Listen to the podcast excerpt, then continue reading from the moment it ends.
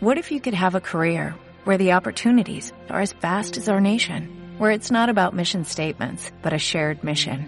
At U.S. Customs and Border Protection, we go beyond to protect more than borders, from ship to shore, air to ground, cities to local communities. CBP agents and officers are keeping people safe. Join U.S. Customs and Border Protection and go beyond for something far greater than yourself. Learn more at cbp.gov/careers.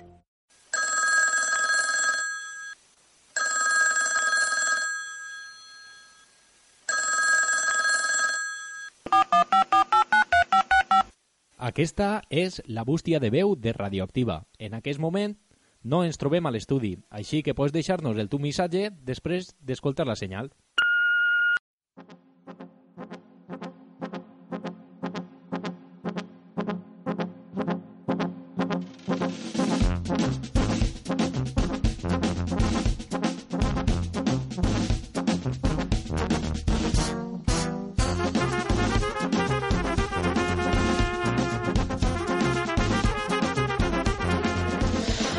Hola, radioactives, com esteu? Eh, mireu, vos cridava o vos coment... volia comentar una coseta que mos va passar l'altre dia, el dilluns, en la mani del 25N de Sideixativa. I, I res, anàvem... La mani va eixir de, de l'Ajuntament, eh, va pegar la volta pel, pel carrer de baix, va pujar a l'Albereda i ja va tornar per l'Albereda des de la plaça La Bassa i, i res, eh, nosaltres anàvem en la pancarta de, de, de l'Ateneo, eh, es volem vives i amb vides dignes, i anàvem la, les últimes, érem, li diríem l'última pancarta i darrere nosaltres anava un grup de persones.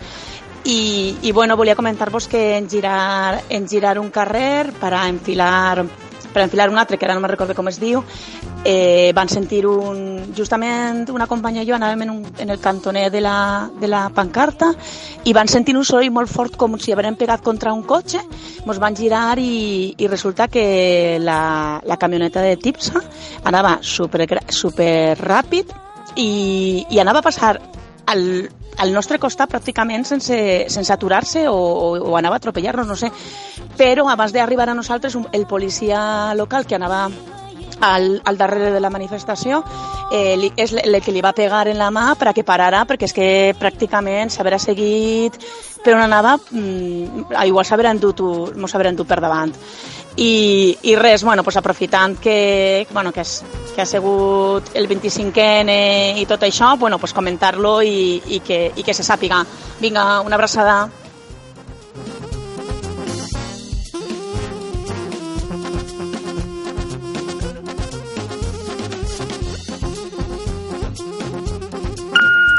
Buenas tardes, radioactives. Comentar el, la experiencia que fue el día 25 de noviembre en ir a la manifestación con la contra la violencia más crista y nada, decir que estuve muy contenta. Por donde yo estuve no hubo ningún tipo de problema, pero sí que fue muy guay el gran número de personas que participaron en ella. E incluso comenzamos más tarde la marcha, puesto que unas ya habían casi llegado y las otras aún no habíamos empezado a salir. Entonces yo creo que la unión de todas las personas para combatirlo es fundamental para, para conseguir cambiar este sistema machista y patriarcal.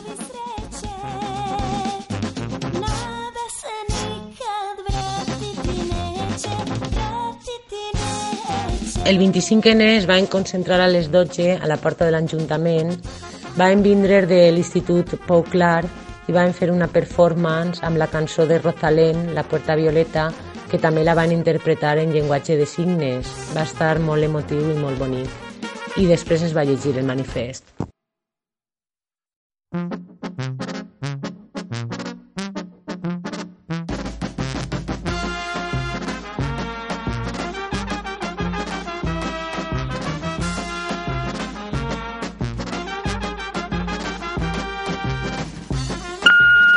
Que què tal vaig viure el 25 de novembre a Ontinyent?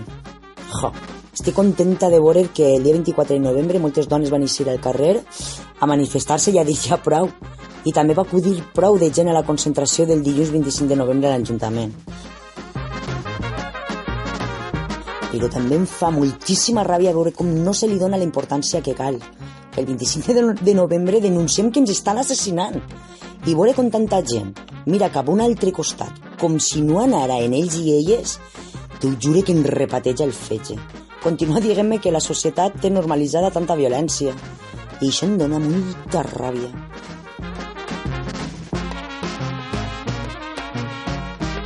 El 25 de novembre també deuríem aturar el món. No és una crítica al feminisme, al contrari, jo com a feminista activista per la lluita dels drets humans m'he sentit molt recolzada amb les meues companyes i veïnes del poble. Però això no és broma. Si ens cal lluitar tant, despertem, hòstia! Què està passant? Quins són els interessos de perpetuar la violència cap a la dona? Si som éssers complementaris d'una mateixa espècie. La humana, hòstia! La humana! Deuríem anar totes i tots colze a colze, braç a braç, i construir una nova societat digna de fer referència a la nostra espècie i caminar amb humanitat, educant els nostres fills i filletes a viure en un món sa, no malalt, que va morint a poc a poc gràcies a l'adoctrinament ben aconseguit del senyor o patriarcado. Les persones no són crítiques, anem com a borregos desassorits obeint tot allò que diu el senyor i després ens queixem en la boca menudeta i acceptem a més a més dient és que és lo que hay i una merda. No és el que n'hi ha, és el que permetim. Alcem la veu, alcem el puny al vent, perquè si ho despertem, sí l'aturarem. Per a mi, cada dia és 25 de novembre i 8 de març.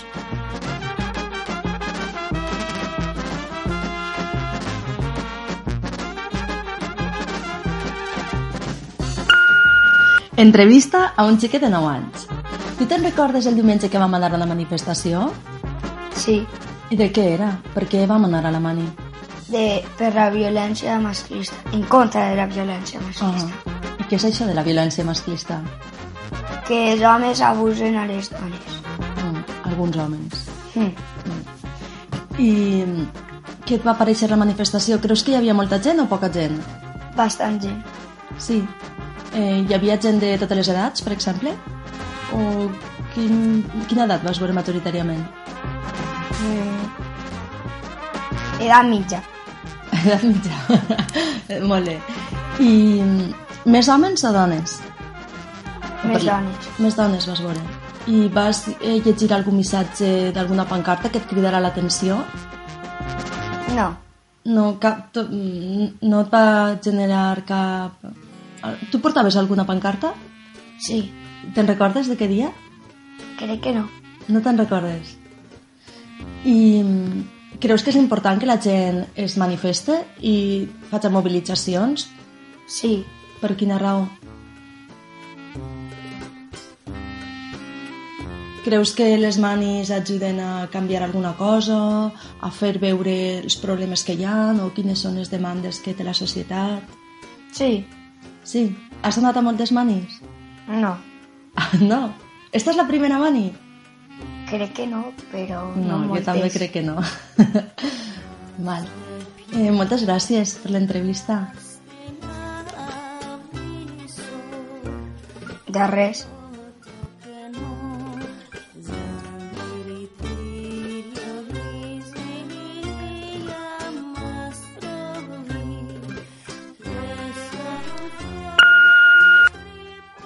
Gent de Radioactiva. Soc Adrià Espí i vos volia convidar a la presentació del meu primer llibre de relats, La bona vida. La presentació serà en Xàtiva, aquest divendres 29 de novembre, a les 7 i mitja a la Casa de la Cultura. Eh, allà a la presentació estaran Dolors Pedrós, d'Edicions 96, l'editorial del llibre, i Antoni Espí, escritor i de casualitat mon pare, i res, vos intentarem explicar un poquet què és La bona vida, que és un recull de contes que recrea un univers estrany i estimulant on la ironia, la mala llet, el surrealisme i l'humor negre es combina eh, per demostrar que la bona vida moltes vegades pot ser amarga. I això, si vos interessa descobrir més sobre aquest llibre, eh, vos espere la presentació. Moltes gràcies.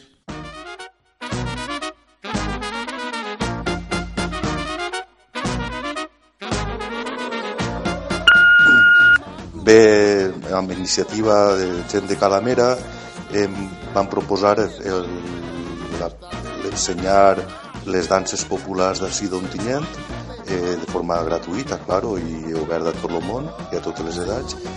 En el taller s'oferís, a, a, a més de ballar el, les danses, que si les anomenem danses, en altres llocs la taina, ba, ball de plaça, ball de votar, Eh, oferim també el, el tema del, de l'ensenyança de les postisses o castanyoles que diuen en alguns llocs de la forma tradicional i antiga que és en el dit del mig que està perdent-se, està perdent-se molt i s'acostum.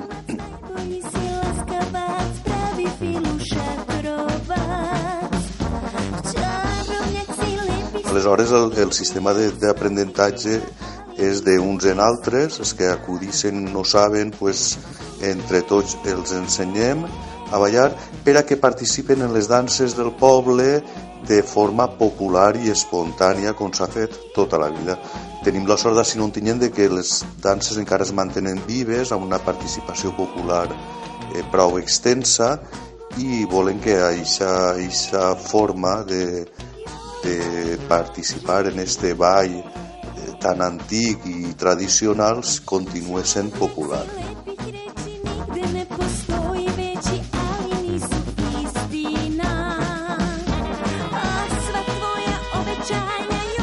També estem poc promocionant el, el tema de, de, de lo que és vestir-se per a les danses. Eh, ha que aclarir que no és el mateix vestir-se per a les danses, que és una mena de disfressa, eh, disfressa que el poble poquet a poquet ha anat eh, ficant-se per a ballar les danses en forma de lluentors i, i indumentària un poc anacrònica però eh, que diem tradicional que no és el mateix que el que és la indumentària d'època de, de, de diferents èpoques de, de la història. No? Per a les danses s'utilitza sempre un, una, una vestimenta que en alguns pobles adquirís una gran, gran importància en quant a, a, a riquea del traje, sempre trajes eh, que el poble ha anat fent-se imitant lo antic i amena també d'un poc de disfressa i lluïment.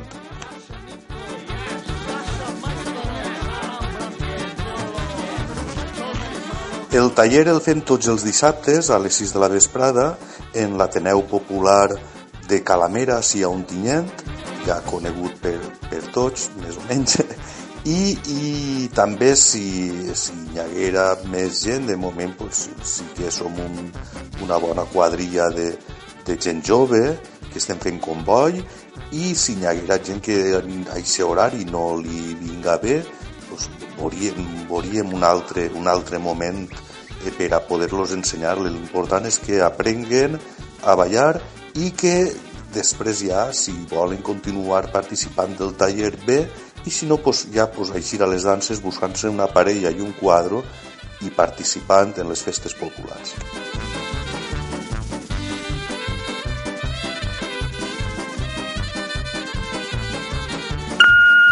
Bones, sóc Alba de Cassola sense corda i simplement informar que aquest dissabte, dia 30, farem una xerrada de debat al Calamera per a informar i reflexionar sobre la situació actual del bau en corda a la localitat. Eh, intentarem teixir entre totes noves propostes i alternatives que deixen fora del poble actes que impliquen el maltratament d'un animal. Durant la resta del dia s'oferirà dinar amb opció vegana i música per a fer comboi ambient fora de la festa del bau i, i res, que vos convidem a totes i a tots a assistir i acudir i intentar reinventar i teixir col·lectivament noves idees i tradicions.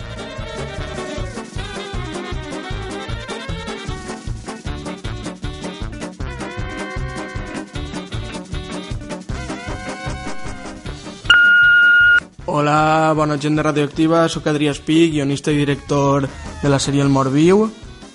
La sèrie es pot veure a BTV cada diumenge a les 21.45 que emeten un capítol. Aquest diumenge, dia 1 de desembre, emetran el capítol 3. De tota manera, la sèrie està sencera a la web de BTV, btv.cat barra el morviu. Allà es poden veure els 5 capítols d'aquesta sèrie d'humor negre que explica la vida del ressuscitat Yatzer, un nini que torna a la vida amb problemes físics i dubtes existencials i això, que la podeu veure tota a internet i que espere que la gaudiu i que vos convertiu en un Morbius més. Moltes gràcies.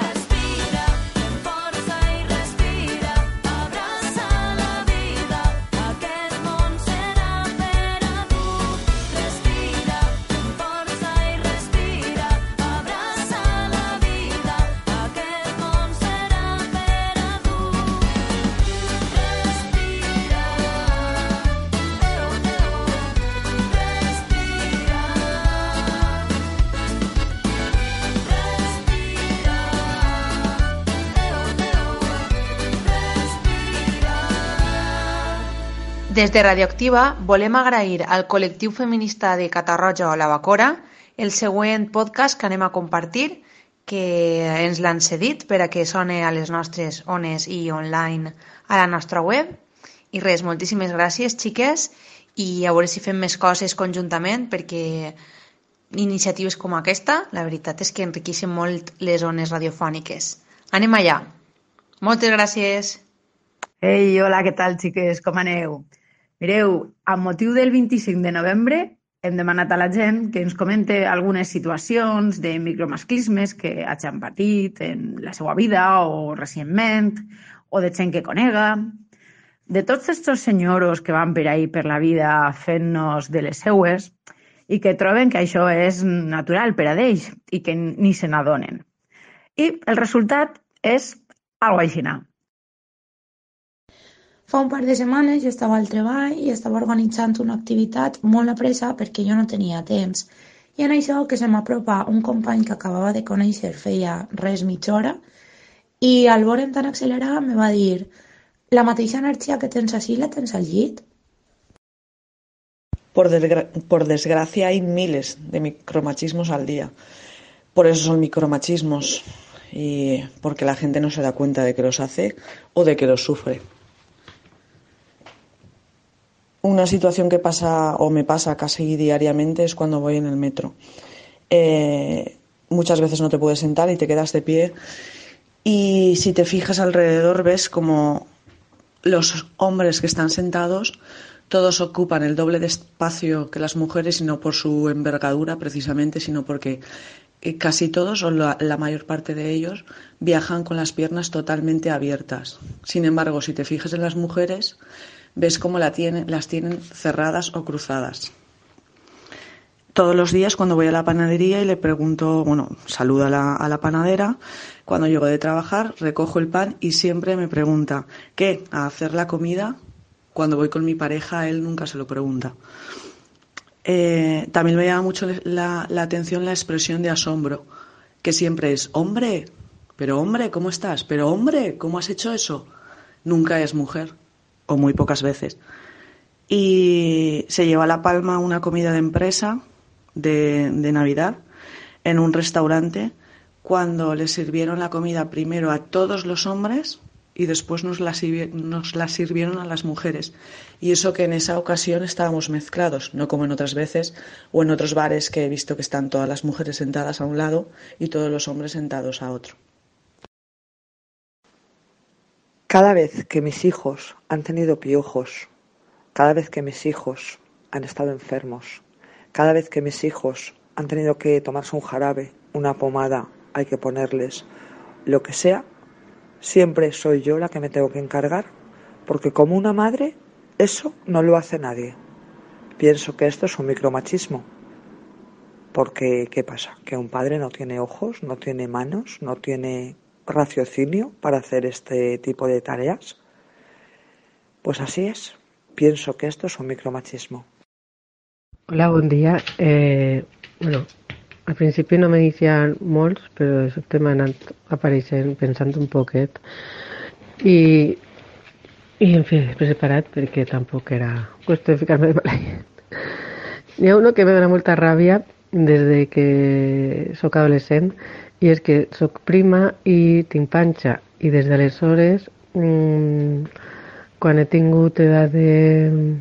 quan era adolescent me donava vergonya tindre panxa estant tan prima. I, i després quan he sigut més major mmm, sempre em pensa que estic embarassada m'han ce- m'han cedit el seient de l'autobús perdona, no sé què i pense que això, aquesta pressió social de prendre panxa o no, no ho han de sofrir els homes de poder tindre panxa sense que li humillen, entre cometes encara que la gent ho faci mala, de bona fe i tu no pugues dir-los enfadar-te amb ells perquè ells pensen que estàs embarassada. Un altre és que mm, he tingut beso i bessona i aleshores el pare quan tenien dos mesos al xiquet li deia ei tio, no sé què i a la xiqueta li deia mm, anirem, quan te facis major anirem a sopar i no sé què i tal i dic, ui, però ni és un tio el xiquet perquè té dos mesos ni i la xiqueta pareix que estigués liant la xiqueta no sé, és que això no era no s'ho deia el nano, de anem a sopar i no sé què i no sé quants i després hi ha una altra cosa que me dona molta ràbia ara que no estic treballant fora de casa és quan me pregunten si estic treballant o mm, tu com no treballes i és l'època que més cansada estic, és l'època que més agotada estic perquè no pare 24 hores de treball seguit i damunt és com que no treballes. I inclús per a amigues de ma mare feministes que me diuen és que tu molt feminista que eres i després eh, eh, sense treballar i tal i això me pareix una injustícia perquè ja que és l'època més cansada de la meva vida que més treballe i més treballada perquè és que no dorc, eh, estic sempre en atenció constant, és lo, la, la enfermera, la metgessa, bueno, de tot, no? I, i damunt és que com no treballi, pues sóc la que m'estic tocant la figa tot el dia, vamos. En fi, eh, n'hi ha moltes més, clar, però, però he, he preferit acabar així. Moltes gràcies per la feina. Una salutació. Hola, bon dia. La meva aportació és contar-vos que jo sóc profe i fa un parell de setmanes vaig anar a fer un, una comunicació a unes jornades presentant eh, una unitat didàctica sobre la dona i les seues aplicacions de manera transversal en totes les assignatures, com podíem visibilitzar i aprofitar qualsevol matèria per a visibilitzar la dona eh, a l'àmbit acadèmic i com a creadora, autora, científica, val? Eh, bueno, això, no? I quan acabe la conferència i vaig, se m'apropa un senyor que havia estat ahí i me diu mira, me ha gustado mucho que li havia agradat molt lo que jo havia fet i que li venia superbé per treballar el dia 8 de març. Dic, ala, gràcies per explicar-m'ho tot i, i amunt no haver res. I això,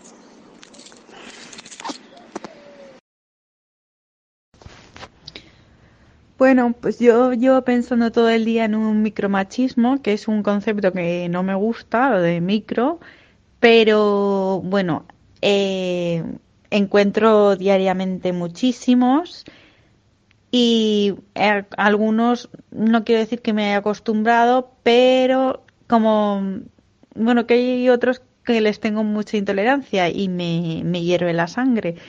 Entonces, quiero destacar el hecho de que hay algunos hombres, algunos machos, que quieran abanderarse y quieran ocupar nuestro espacio feminista. Eh, me fastidia bastante cuando en las manifestaciones eh, cogen las pancartas, no respetan los espacios no mixtos y sobre todo, bueno, pues cuando nos van dando lecciones de lo que es o deja de ser eh, una actitud o cualquier cosa feminista. Incluso, bueno, que intenten hasta hacer asociaciones feministas por su, por su cuenta, esto me parece una barbaridad. Así que nada, yo creo que el micromachismo que, que denuncio, que quiero visibilizar, es eh, pues la ocupación, ¿no? El protagonismo que, que pretenden tener en, en nuestra lucha no son capaces de, de acompañar simplemente, necesitan siempre tener un protagonismo y, nada, nada más. Gracias. Un micromasclisme, que potser no és micro per petit, sinó per amagat, per a mi és el fet de que passe el cognom de l'home als fills automàticament.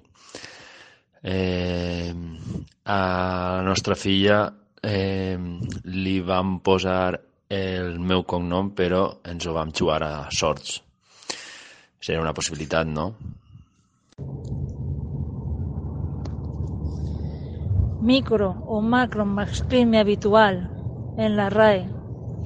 Com a exemple, diu la RAE, a propòsit de la paraula fàcil, dicho especialmente de una mujer que se presta sin problemas a mantener relaciones sexuales.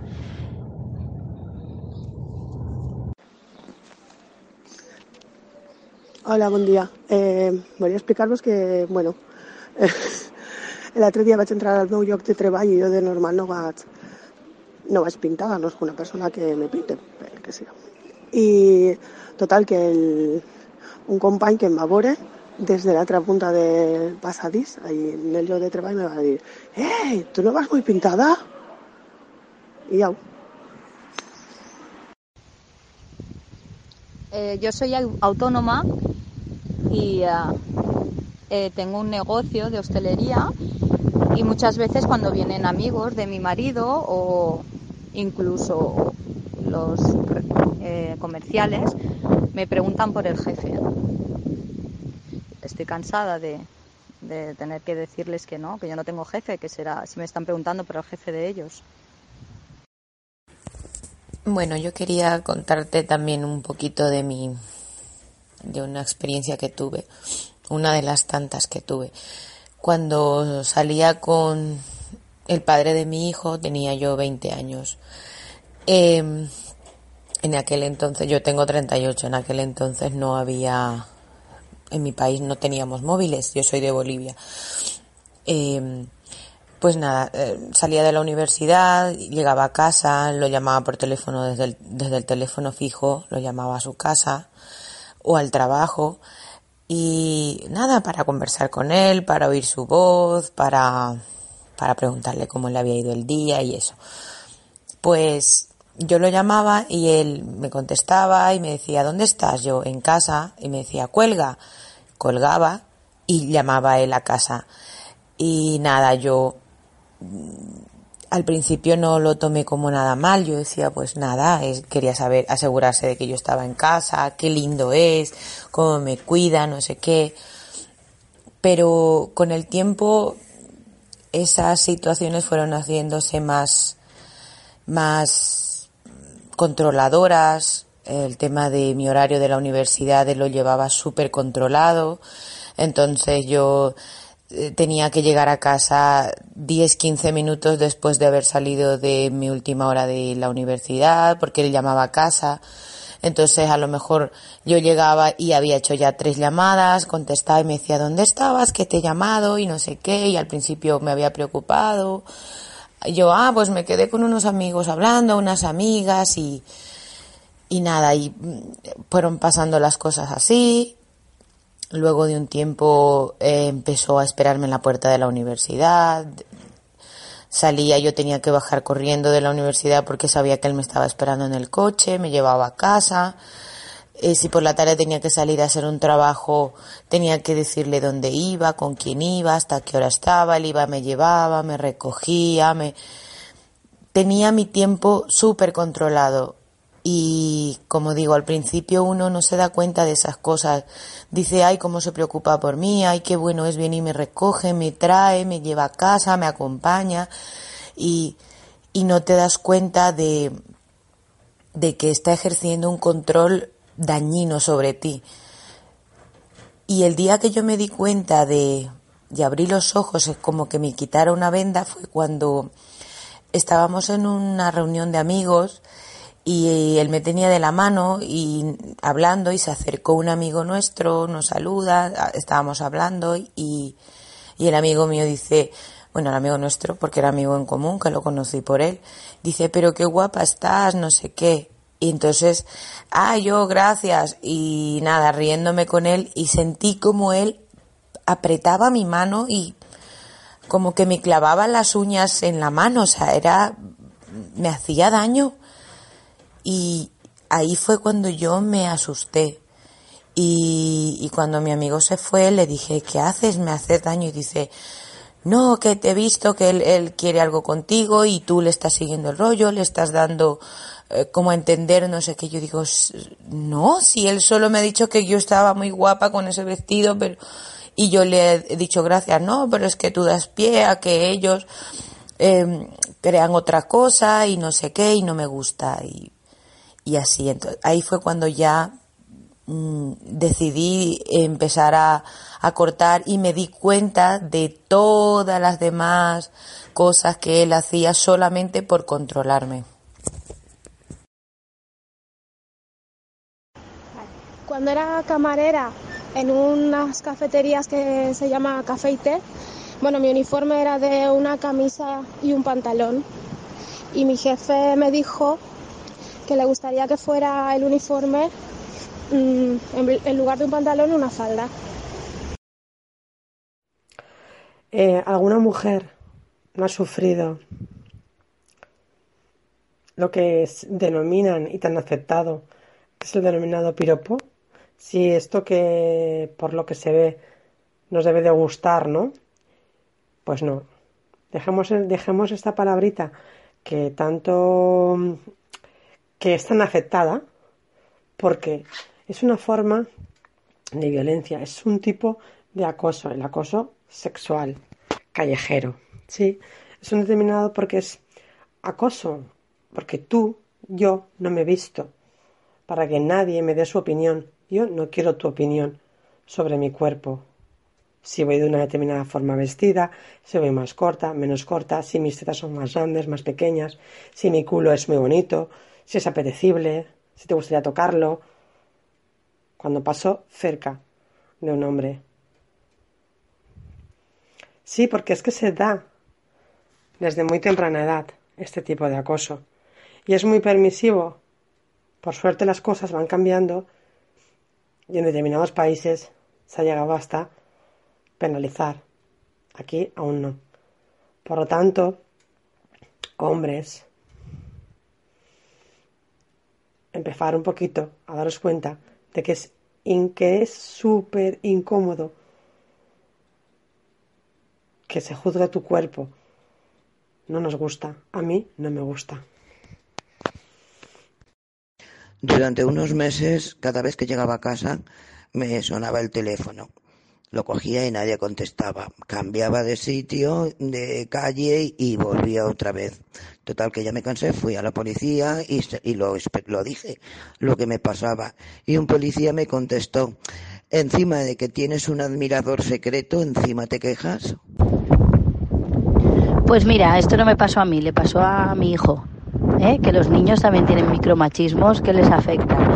Eh, pues nada, íbamos por la calle y una nena del cole le dice a Ibai, ala, llevas una, una bici de una nena, de nena, porque la bici es rosa. Y, y lo bueno fue la respuesta de Ibai. Ibai le dijo, no, no es de una nena. Esta bici es de mi hermana cuando tenía mi edad, es pequeña. Y además a mí el rosa me gusta. Otro con el mismo tema, parecido, es eh, ayer mi abuela, llegamos al chalet y yo pues mm, toda la ropa que he podido así reciclar de luna para Ibai pues se la he guardado y tiene una chaqueta así de montaña muy chula, pero es rosa y verde por dentro. Y ayer mi abuela, pues yo se la pongo a Ibai, el chiquillo por el chalet, tan pancho, y mi abuela le dice, dile a tu madre que, que no te vista como una nena, que tú eres un machote y te tiene que vestir como un machote.